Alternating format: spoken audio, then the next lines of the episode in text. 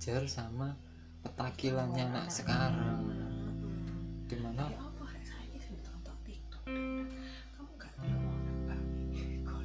golek. Ngomongnya gak kencengan gak apa-apa kok. ngomongnya gak kencengan. Kenapa? Tak rekam buat podcast.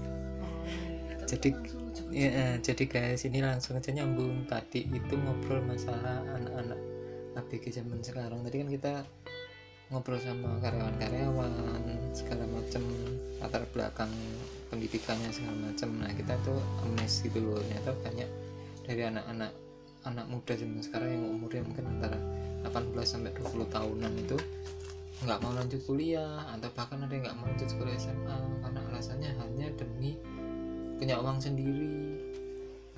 Hanya demi uang padahal kan ada yang mungkin orang tuanya sebenarnya masih mampu untuk nyekolahin atau Hmm. mungkin andai kata pun nggak orang tuanya nggak mampu kan ada juga sekolah gratis atau ikut kejar paket. Ini Hmm. mereka nggak mau. Aku tuh suwebel ya suwebel. Menurutku mohon maaf ya. Men- anak-anak kayak anak-anak milenial yang kayak begitu-begitu itu me- termasuk dalam kategori orang yang sia-sia loh goblok gitu. Maksudnya oke lah emang zaman sekarang tuh sekolah formal tuh nggak harus sekolah itu nggak harus ditempuh di bangku sekolah formal. Banyak banyak pendidikan yang bisa diambil dari sekolah yang non formal entah itu homeschooling entah itu uh, Kursus. kursus entah itu apalah pokoknya pokoknya intinya pendidikan akademis itu sekarang tidak menjadi sebuah apa ya bekal untuk masa depan enggak justru yang skill. sekarang itu adalah yang bisa menjadi bekal masa depan untuk anak- anak-anak milenial di 5 sampai 10 sampai 20 tahun ke depan tuh justru soft skill sama non akademis mereka. Nah, mending kalau ada anak, maaf Pak, saya uh, saya nggak lanjut SMA, saya nggak lanjut kuliah gitu. Kenapa gitu? Uh, saya pengen cari kerja supaya saya punya uang sendiri. Buat apa? Ya supaya saya bisa senang-senang aja, supaya bisa main-main dan nggak minta orang tua gitu. Terus kamu ngapain gitu? Ya nggak ngapa-ngapain, main-main aja, senang-senang aja. Goblok. Gitu mending kalau dia punya oh iya saya nggak sekolah SMA memang saya nggak sekolah saya nggak mau sekolah di sekolah-sekolah SMA biasa atau nggak kuliah tapi saya sekolah masak Nah, saya kursus jahit saya kursus eh, apa ya elektronik ya apa sih? Elektro elektro macam-macam kayak gitu. Atau enggak saya kursus desain. Kursus eh, Photoshop lah minimal Corel atau apa kayak gitu. Kursus pijet loh masa mending kalau kayak gitu. Dia nggak ada pendidikan akademis tapi dia punya skill yang bisa buat nopang hidupnya dia ke depannya nanti di masa depan. Karena kebanyakan beberapa anak-anak yang kita tanya kenapa kamu nggak sekolah? Terus sekarang harus kerja. Kerja susah dengan ijazah. Cuma SD SMP SMA nyari kerjaan nggak bisa yang kerjaan yang karirnya tuh eh, ada gitu ya. Palingan ya kerjaan kerjaan kerjaan. Kerjaan ya yang kayak yang ada hubungannya dengan maksudnya itu ya kayak penjaga makanan apalah stand kayak gitu-gitu. Yang yang mungkin mbak-mbak yang di mall. Heeh, mungkin karirnya nggak yang seperti orang kantoran itu rata-rata mereka nyesel loh. Saya dulu nggak mau sekolah. Iya saya nyesel sekarang nyeselnya baru sekarang. Beberapa karyawan saya tanya itu ngomongnya kayak begitu. Akhirnya baru bingung nyari kerjaan yang mapan nyari kerjaan yang gajinya gede. Lah gombal ijazah cuma SMP SMA skill juga nggak ada pengalaman kerja nggak ada terus mau dapat kerjaan yang gajinya pantas tuh loh dari mana? Ntar akhirnya lompat-lompat kayak kutu loncat dari kerjaan satu ke kerjaan lainnya. Nganggapnya gajinya kurang bosnya nggak enak bosnya jahat. Oh, ada aja jadinya jadi jadi kutu loncat. Akhirnya berakhir dengan ya gitu-gitu aja gitu Ya, mungkin kayak gitu tuh ya dari lingkungan keluarga itu yang pertama ya. Jadi mungkin keluarganya juga nggak mendukung 100% sih. Ya Nggak. jadi keluarganya juga nggak pernah ngasih eh Nduk, le kamu nanti setelah lulus SMP kamu harus sekolah SMA yo atau setelah lulus SMA kamu kuliah dulu ya jangan keburu kerja. Alasannya tuh gini gini gini gini lo buat bekal karena namanya mungkin beda ya anak zaman sekarang sama zaman saya dulu masih baru-baru lulus. Aku mikir kerja cari duit beneran itu ya setelah lulus kuliah. Begitu aku lulus SMA ya yang ada dalam benak aku ya aku gimana mungkin harus kuliah? Bu nanti selama kuliah aku sudah ngerintis cari uang sendiri ya nggak masalah. Yang penting aku tetap kuliah. Jadi kalau dulu kalau sih zaman sekarang memang- sih kayaknya karena mungkin ya pengaruh eh, apa yang mereka lihat sehari-hari di sosial media apa yang mereka lihat di TV yang setiap hampir hampir semua itu memunculkan kemewahan semua memunculkan duit-duit harta-harta semua pamer kekayaan. Mereka jadi kebawa gitu loh. Padahal mereka nggak menyadari bahwa kondisinya jauh dari itu deh dan Enggak. mereka ingin bypass aku pengen Ya, tuh pengen punya kayak HP sih. kayak gitu Mm-mm. demi pengen punya HP kayak gitu belain aku kerja aja deh Mm. kalau aku kuliah aku nggak dapet duit tapi kalau aku kerja dapet duit bisa beli HP kayak gitu Mm, kalau aku nggak kerja minta Segitulah. minta orang tua aku nggak bakalan dikasih HP sekedar kayak pengen gitu. punya motor demi pengen bisa punya motor ataupun nyicil buat gaya-gayaan buat kayak buat pamer-pamer ke temen-temennya dibelain nggak mau kuliah tapi milih kerja meskipun ya mohon maaf. Hanya sebagai penjaga toko atau mungkin apalah yang ya sorry level untuk dia menjadi lebih pangkatnya jabatannya itu nggak ada Gitu Eh tapi ini bukan mengunderestimate orang yang tidak berpendidikan non aka berpendidikan Ah, akademis ya. ah. Banyak kok misalkan banyak orang banyak kok orang lulusan SD jadi pengusaha. Nah, masalah gini. Ah. Nah, ini ini yang paling penting. Nah, ini Masalahnya nggak hampir sebagian besar anak yang kita ajak ngobrol tentang ini itu tidak punya sudut pandang seperti itu. Mereka nggak melihat "Oh iya memang aku nggak sekolah sih, aku nggak kuliah, Mm-mm. tapi aku sudah punya visi pak. Aku ke depan tuh bakal seperti ini. Aku bakal melakukan ini untuk memajukan kehidupanku, memperbaiki derajatku. Kebanyakan nggak ada yang kayak gitu. Mungkin di antara satu dari seribu orang, ya kita tahu lah banyak sosok pengusaha yang sukses meskipun di Ya. bangku pendidikan mereka nggak sukses, putus sekolah lah atau macam-macam lah. ya itu jawabannya tadi itu orang berarti punya skill Ah, non akademis. skill non akademisnya itu bukan cuma dari belajar yang di sekolah ah, maksudnya belajar yang kursus segala macam enggak loh tapi kemampuan secara naluri alamiahnya dia bisa melihat suatu peluang dia bisa menganalisa oh ini bisa jadi sesuatu yang bisa kita kerjakan nih itu yang nggak semua orang punya. Hmm, misalnya udah nggak mau sekolah nggak punya skill ke arah sana mampu untuk melihat nah, menganalisa dan sebagainya nggak nggak punya ide maunya ya cuma oke saya jadi robot aja deh terima gaji tiap bulan Yang meskipun penting aku bisa beli HP, Mm-mm. bisa nyicil motor, bisa makan di tempat Jadi, enak. jadi ini sedih sih yang penting mereka itu bisa selfie di suatu Mm-mm. tempat yang mereka anggap tuh keren Mm-mm. gitu aja dengan uang hasil kerja mereka yang mungkin ya mepet Maksudnya, ya. sedihnya tuh gini loh apa ya ya masa bangsa ini akan ke depannya akan dipenuhi anak-anak kayak gini aja kan kita juga berharap bangsa ini dipenuhi anak-anak yang benar-benar kreatif. Bukan cuma menjadi mohon maaf karyawan. Bukan karyawan itu jelek enggak. Karyawan itu bagus.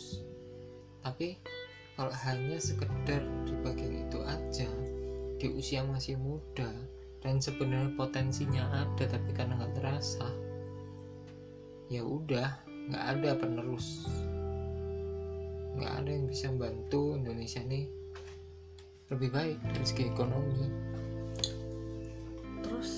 mas anak-anak yang kayak gitu tadi itu modelnya dia tuh cuma apa yang di depan mata yang dimau ya akan berjuang untuk itu.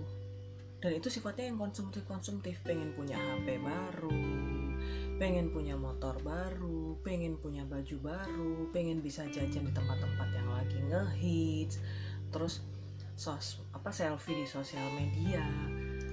Terus bulan depan dua bulan ke depan tiga bulan ke depan begitu dia nggak punya duit digadein itu motor HP lo ke mana HP baru bu hari HP barumu? Masuk sekolahan bu. Masuk gade. Saya gade bu. Itu banyak dan sering banget. Masya allah. Anak umur 18 tahun 9 tahun 19 tahun ya. Istilahnya baru banget baru banget ABG ya ABG beneran bener-bener baru udah ABG kenal udah pegadaian kenal pegadaian tuh aku bener-bener jangkrik. Ini apa-apa anakku aja. Baru tahu pegadaian apa segala macam tuh. Setelah kita mulai usaha. Setelah kita mulai usaha. Anak pepet ngedain Heeh. motor. Nah dia enggak dia gadein HP gadein motor. Hanya untuk makan gitu loh. Kan dia konyol. Padahal itu dia duit dapat susah-susah dia pakai foya-foya begitu foya-foya udah kepenuhi ya udah dia relain itu untuk makan lagi. Ya menurutku eh, siklus hidupnya itu siklus pendek hidupnya banget. itu pendek banget heeh. aku juga pernah jadi anak umur 18 tahun 19 tahun aku juga pernah. Tapi aku untuk berpikiran sekedar untuk foya-foya masalahnya nggak cuma aku ya teman-teman seangkatanku dulu itu tuh cara mikirnya tuh nggak kayak gitu dia foya-foya pun itu pakai duitnya orang tuanya. Duh, iya deh. nah iya ya kan? memang. Ya kan? Terus duit ada kata ada soalnya temanku kerja nyambi jadi jadi SPG toko waktu masih SMA SPG SPG ya kayak gitu SPG macam-macam lah SP, SPG minuman apa kayak gitu-gitu di event tapi sambil gitu. masih sekolah Hmm, bukan nggak sekolah. Nah duit yang dia dapat dari kerja itu ada yang ditabung ada yang dibeliin yang dia mau. Ada yang dikasih ke orang tuanya atau ngasih ke adiknya ngasih ke kakaknya. Nah ketika dia foya-foya bareng-bareng sama teman-teman itu dia pakai duit yang dikasih sama bapak ibunya. Jadi maksudnya eh, dia tuh teman-temanku tuh dulu jelas gitu loh mau ngapain terus seberapa besar foya-foyanya itu jelas. Ya meskipun memang masih meskipun ya ada juga yang nggak nggak jelas ya. Foya-foyanya sampai sampai terjerembab kejelungup ke yang nggak oke oke itu.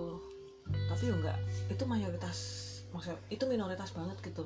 Yang mayoritas tuh justru yang mereka tuh yang begitu ya. Mungkin kalau dibilang ya karena pergaulanmu bagus-bagus tok dulu.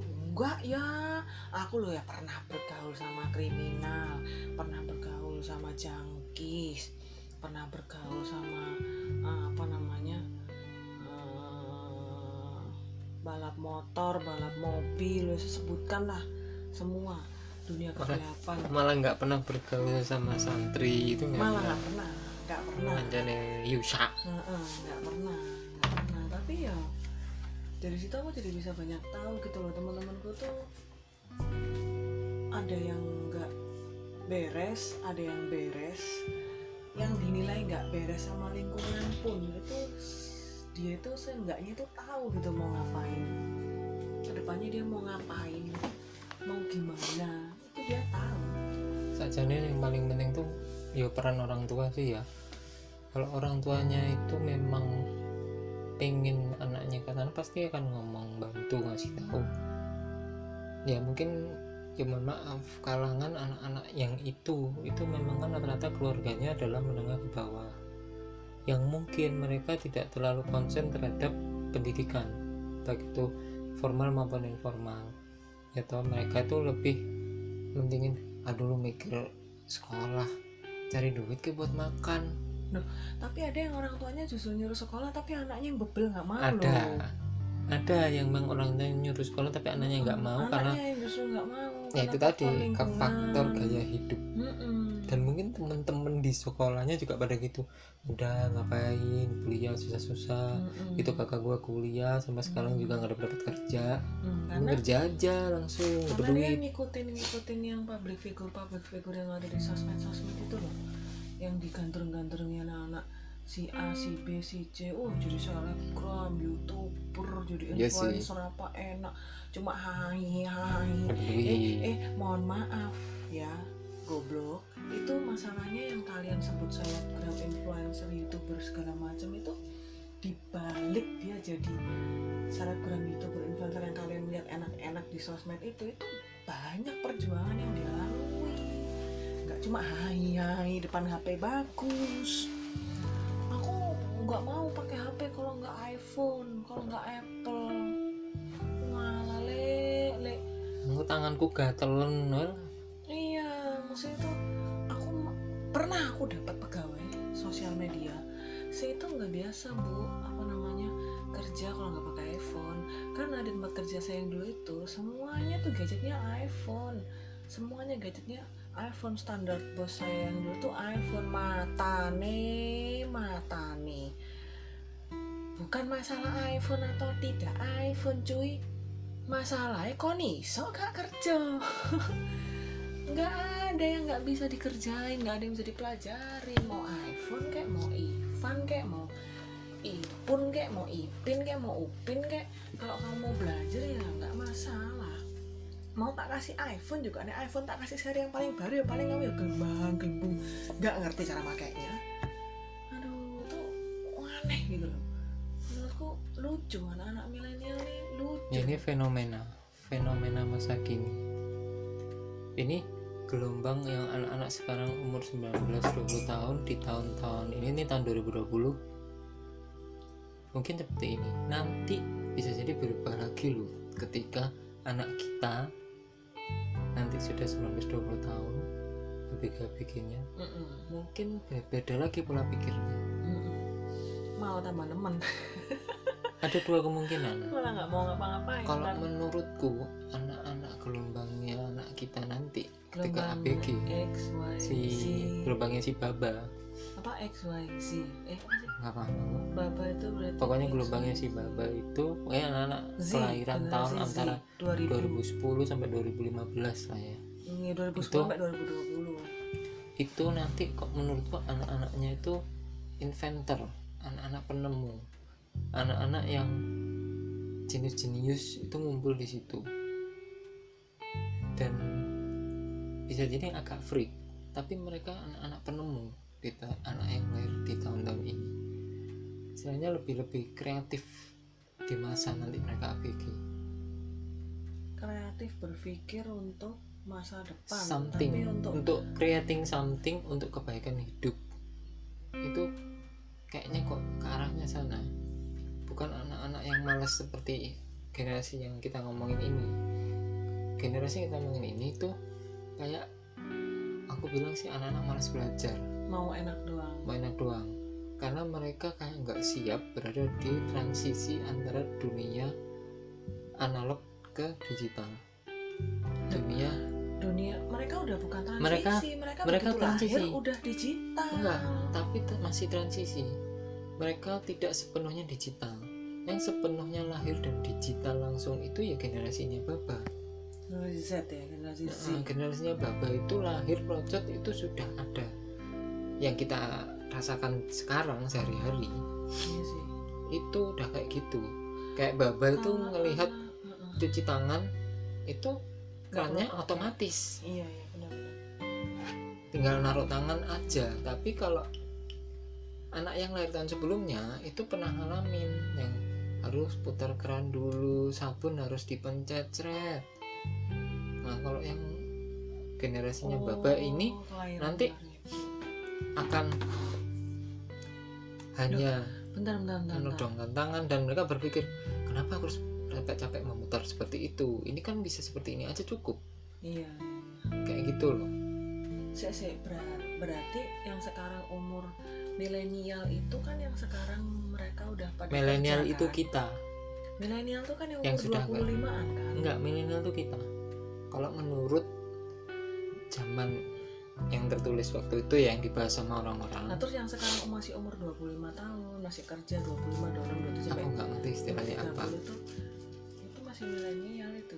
Pokoknya kalau yang aku paham milenial itu yang seumuran kita. yang sekarang masih umur-umur SMA baru lulus kuliah pokoknya masih masa-masa SMA itu kan kelahiran sekitar tahun 2000-an kan?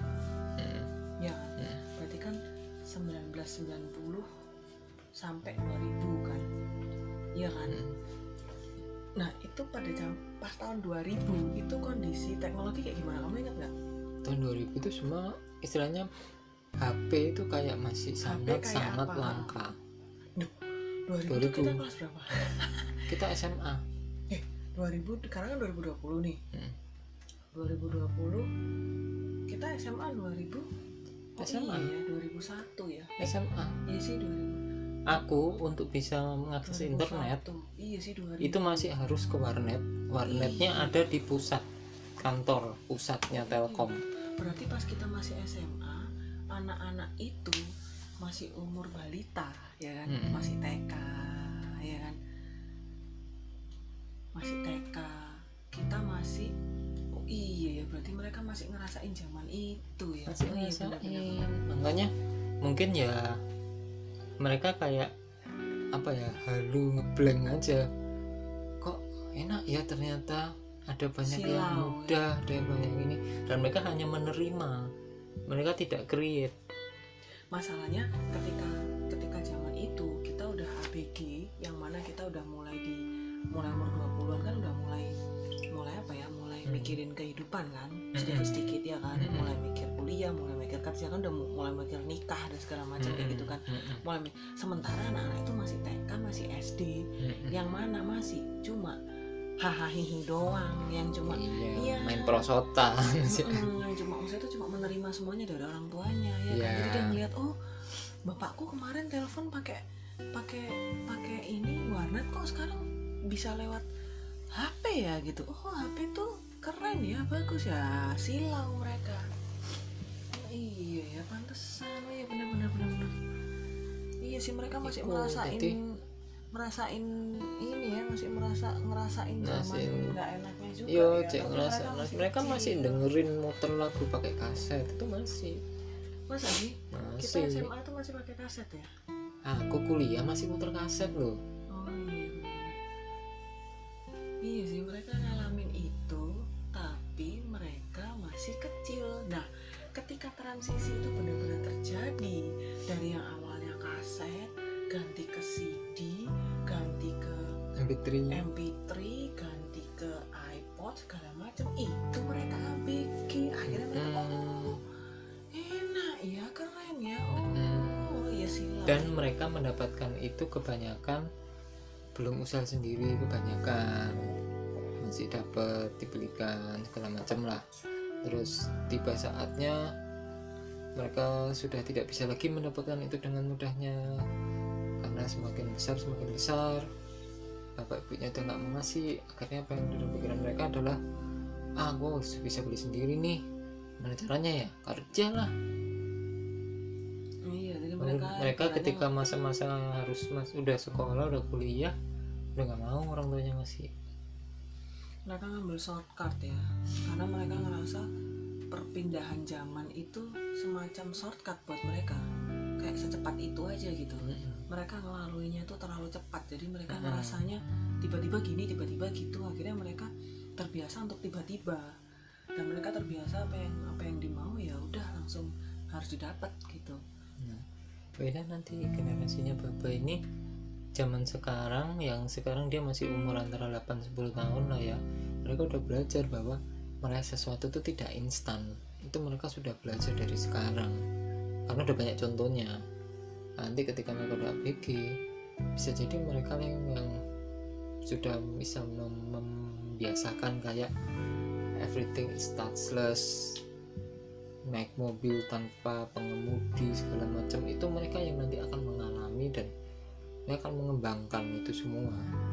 Intinya anak-anak ini karena sudah berada di zaman yang semi otomatis dan mereka dari kecil sudah mempelajari bahwa oh ini masih bisa dikembangin nih. Mm-mm. akhirnya mereka berpikirnya mengembangkan itu bukan cuma Supaya menerima supaya mereka lebih mudah juga ya. Mm-mm. karena mereka mereka mengalami transisinya tuh bukan transisi di teknologi tapi transisi di perubahan lingkungan dan alam. Waduh. lingkungan dan alam Iya. DE ngalami ketika dulu bapak ibunya zaman sekolah pelajaran musim kemarau adalah bulan ini sampai bulan ini. Hmm. musim hujan bulan ini sampai bulan ini. Saiki mereka belajar. Bi kalau menurut musim. pelajarannya Abi dulu bulan ini adalah musim kemarau Bi. Tapi kenapa di tempat kita hujan Bi? Ah, iya sih. Udah nggak jelas so like ya. like this year ini kita ngalamin hampir satu tahun ini kita ngalamin musim nggak jelas nggak jelas. hujan. Bisa dibilang begitu mendung hujan mendung hujan. Bapak di mana dulu pak? Bapak di mana dulu pak? Eh, enggak. Mau di mana pun intinya di seluruh dunia saat ini lagi ada anomali anomali cuaca. Intinya pelajaran awak di Windian itu wis gak berlaku. Iya benar nah mereka akhirnya menciptakan suatu asumsi baru. Wis yo pak. Bedo pak zamanku. Iya iya. Akhirnya mereka memutuskan ya udah untuk melalui zaman yang berubah ini alam yang berubah ini kita harus beradaptasi. Kita harus make something. Ini paling jelas corona. Corona masuk. Ini anak-anak beradaptasi dong. Dia udah ngalami dong sebelum corona kayak gimana sama sekarang. Akhirnya mereka sekarang jadi lebih ngerti bahwa oh hidup tuh harus benar-benar bersih. Kita harus belajar bahkan tidak bersentuhan dengan orang tidak bicara dengan mulut terbuka yang bisa menyebabkan banyak bakteri tidak boleh bersin sembarangan. Itu mereka jadi menerima dan akhirnya nanti mereka akan create suatu teknologi yang membuat orang nggak perlu repot-repot pakai masker orang nggak perlu repot-repot jaga jarak. Tapi itu semua udah otomatis. Entah gimana cara mereka.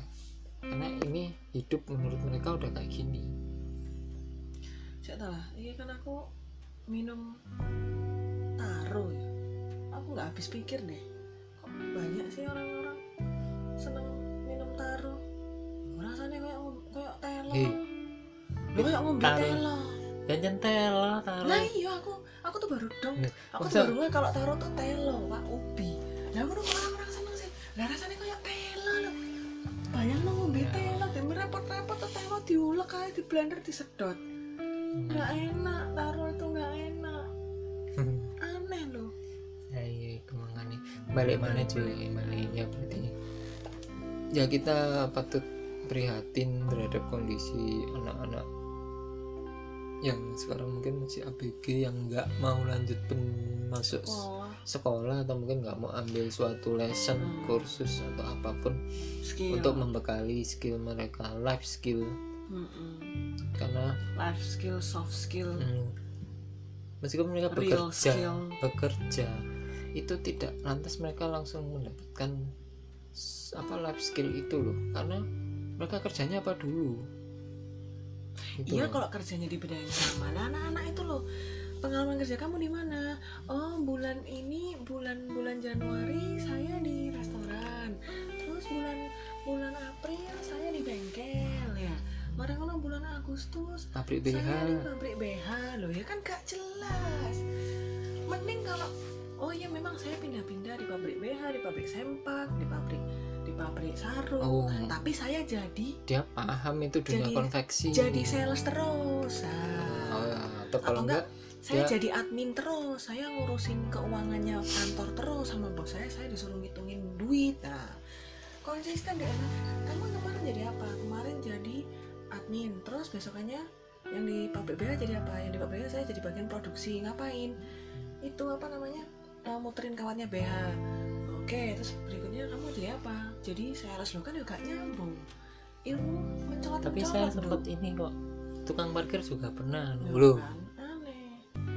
Ya memang dengan segitu banyaknya eh, apa namanya eh, skill bisa kamu pelajarin. Bagus tapi masalahnya nggak ada yang kamu dapat terlalu banyak yang kamu karena kamu terlalu banyak yang kamu dapat kamu nggak konsisten akhirnya nggak ada yang nggak ada yang nggak ada nggak ada yang maksimal di situ.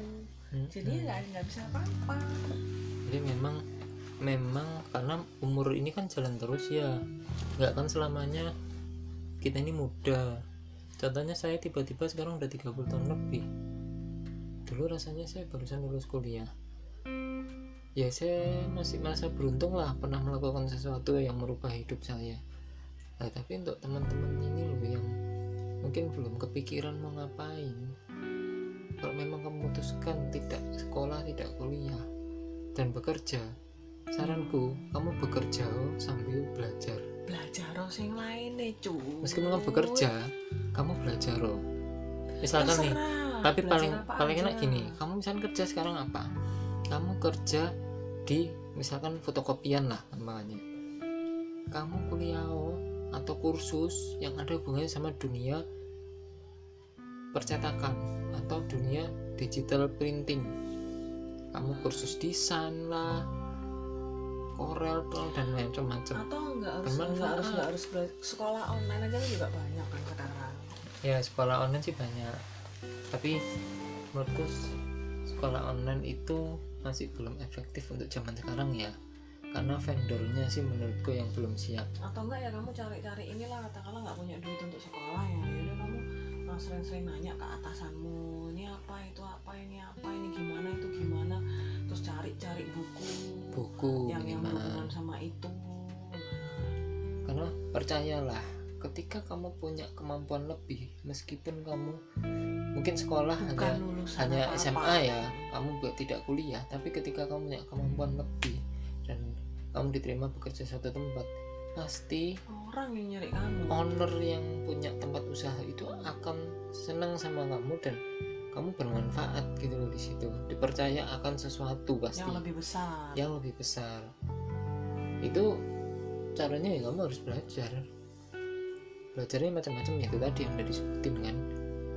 Ya aku tuh heran loh kayak karyawan kita dulu apa namanya kita coba yang di bidang sosmed kita sekolahin di apa kita bukan sekolahin kita ikutin kan kursus. kursus-kursus apa namanya SEO optimas optimisasi apa kayak gitu. Terus ada yang eh, di bidang eh, apa lagi ya ekon apa akunting.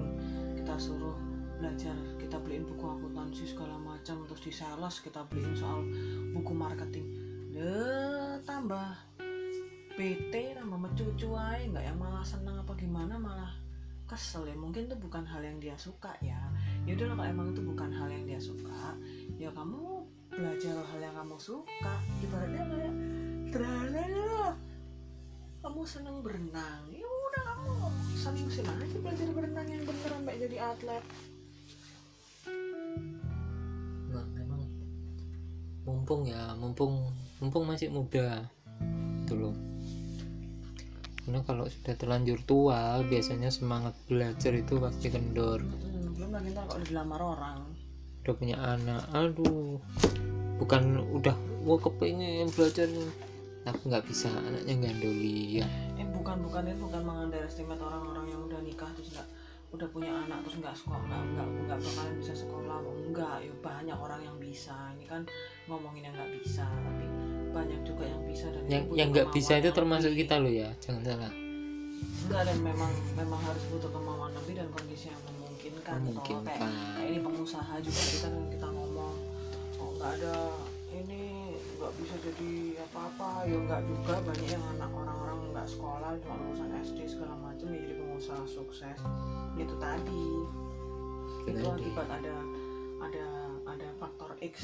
Faktor X nya yaitu dia memanfaatkan peluang dia mau belajar yang lain meskipun nggak di bangku sekolah dia mau uh, terus berusaha meskipun nggak ada modal pas segala macam dia terus memanfaatkan yang ada itu beda itu sama yang ya karena memang banyak sih yang ngobrol. awalnya cuma satpam awalnya cuma supir Mm-mm. tapi karena mereka bisa melihat dari sudut pandang lain mengamati analisa mereka bisa akhirnya punya skill lain yang akhirnya bisa merubah hidup mereka Nah kayak misalkan ini anak-anak yang yang di yang hubungan sama sosmed, youtuber, selebgram, influencer, bahkan yang sekarang tiktokers. Itu mungkin beberapa kalian lihat wah ini lo nggak jelas bercandanya cuma kayak begini-begini doang atau enggak ini orang lo cuma ngomong-ngomongin kayak gini cuma lompat-lompat lompat sana lompat sini cuma apa namanya joget-joget. Jog bukan maksudnya dia cuma lompat dari atas lemari lompat dari atas tempat tidur apa segala macam.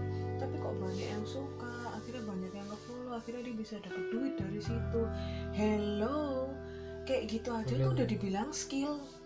Artinya dia mampu berpikir seperti apa saya harus menampilkan diri saya di depan dunia maya dan para netizen yang ada di dunia uh, maya ini supaya mereka tertarik. Itu mikir loh. Itu namanya branding. Itu mikir itu itu. eh, itu dia sudah mikir konsep dia membranding dirinya bahwa seperti itu. saya brandingnya adalah seperti ini. Nah, dan saya dengan branding ini pinginnya menghibur penonton saya mm-mm, atau follower saya. Mm-mm. itu itu nggak gampang loh. Kita yang terjun langsung di, di apa namanya di konten kreator yang di kreator konten pun juga nggak gampang loh mikirin konten itu supaya bisa disukain sama orang-orang itu. Nggak gampang supaya bisa menemukan oh brandingku yang kayak begini aja tuh itu nggak gampang. Jadi jangan dipikir cuma lompat-lompatan gitu aja. Bisa dapet duit. Ya bisa kalau itu otentik dari kamu sendiri dan itu hasil pemikiranmu sendiri. Dan belum ada ya orang bakalan tertarik. Loh ada loh nggak tahu. Orang cuma kipas kipas saja dapat duit. Di mana TikTok? Tukang sate. Oh kipas kipas saya oleh duit ya itu kan dia kerja. punya skill punya skill itu. Itu coba kalau dia nggak kuat tangannya nah, ledeh kalau enggak Hmm. dia masaknya kematangan atau kegosongan. Nggak enak. Coba dia dia tangannya lenjeng gitu ya. Nipasi sampai ngetril nggak matang matang sate ini bos. Anda nih yo Hamdani Harto ya